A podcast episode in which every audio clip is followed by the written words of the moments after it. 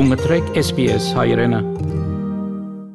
Um, as you all know, the 107th anniversary of the Armenian Genocide commemoration uh, is taking place on April the 24th this year, and members of our community will be gathering over the next couple of weeks throughout the months of April and May to commemorate the 1.5 million Armenian lives and the over a million Syrian Greek lives lost at the hands of the Ottoman Empire. Armenian community, Armenian Australian community organizations have gathered to collectively organize numerous commemoration events, church services, and demonstrations.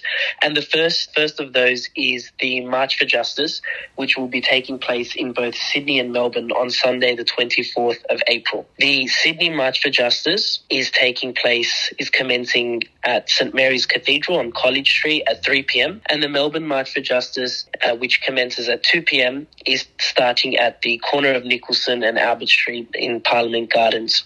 These both events are calling on the Prime Minister of Australia to accurately recognise the Armenian, Assyrian, and Greek genocides. And we will see thousands of members of our communities in both Sydney and Melbourne take to the central business districts to call on the government to accurately recognise the 1915 genocides. On Sunday, the 24th of April, prior to both those March for Justices, we also have commemorative church services taking place at the Armenian Apostolic Churches in Western Sydney, Sydney, and Melbourne. Following the March for Justices, which are happening on the 24th of April, we have the National Armenian Genocide Commemoration, which is a live stream event. This event will be live streamed on both Facebook and YouTube from the Armenian Media, Armenian Media Australia Live. That live stream is taking place at 8 p.m. and it's organized by the Armenian Genocide Commemorative Committee, which encompasses several Armenian Australian organizations. That live stream event will feature a political update in advocacy. It will also feature video messages from prominent Armenian community leaders, from prominent Australian parliamentarians at both a federal and state level in New South Wales, and it will also feature a keynote which will be announced in the coming days. That event, as I mentioned, is taking place on Tuesday, the 26th of April at 8 p.m. So members of our community and members of the broader Australian society can watch that live stream commemoration from the comfort of their own home. And this is obviously, this is the third year that we've hosted the National Armenian Genocide commemorative event via a live stream and we are hoping that it'll be as successful as it has been in the past, which has seen over 15,000 viewers watch that National uh, Armenian Genocide Commemoration live stream event every year. Following the national commemorative event, there are also events taking place in other cities around the country. One of those is scheduled to take place on Wednesday, the 27th of April, and this is the this event is called Australia and the Armenian Genocide. It is being hosted in Canberra at Manning Clark House and the address for that event is 11 Tasmania Circle Forrest in the ACT. So this isn't the first time we've had Armenian genocide commemorative events take place in the nation's capital. These sorts of events happen annually in the nation's capital, and this event is being hosted by academics who will be t- partaking in a panel discussion, and they will be discussing the Australian connection to the Armenian genocide. So I strongly encourage members of our Armenian Australian community based in Canberra and even those living in Sydney and Melbourne to venture to the nation's capital because there is a really interesting discussion that is being had about that unique connection. And some of the panelists which I'd like to mention is Deborah Mayersen, who is based Canberra campus at UNSW. We also have an Armenian Australian featuring on the panel, which is Vicken Babkenian, who co-authored the Armenia, Australia and the Great War book. And he's joined by his co-author of that book, Professor Peter Stanley. So these are the panelists, very prominent Australian academics who will be featuring in that discussion.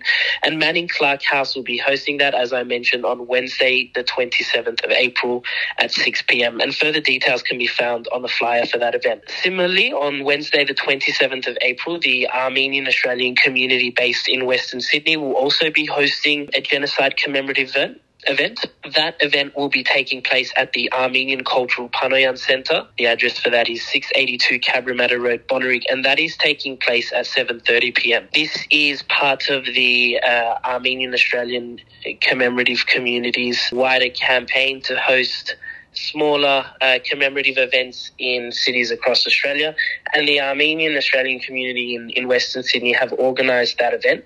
And they have announced that uh, they too will be notifying the community of a special keynote in the coming days. As we know, the City of Ryde Council has uh, hosted, uh, both the City of Ryde Council and the City of Willoughby Council over the last few years have hosted memorial services dedicated to the Armenian genocide every year.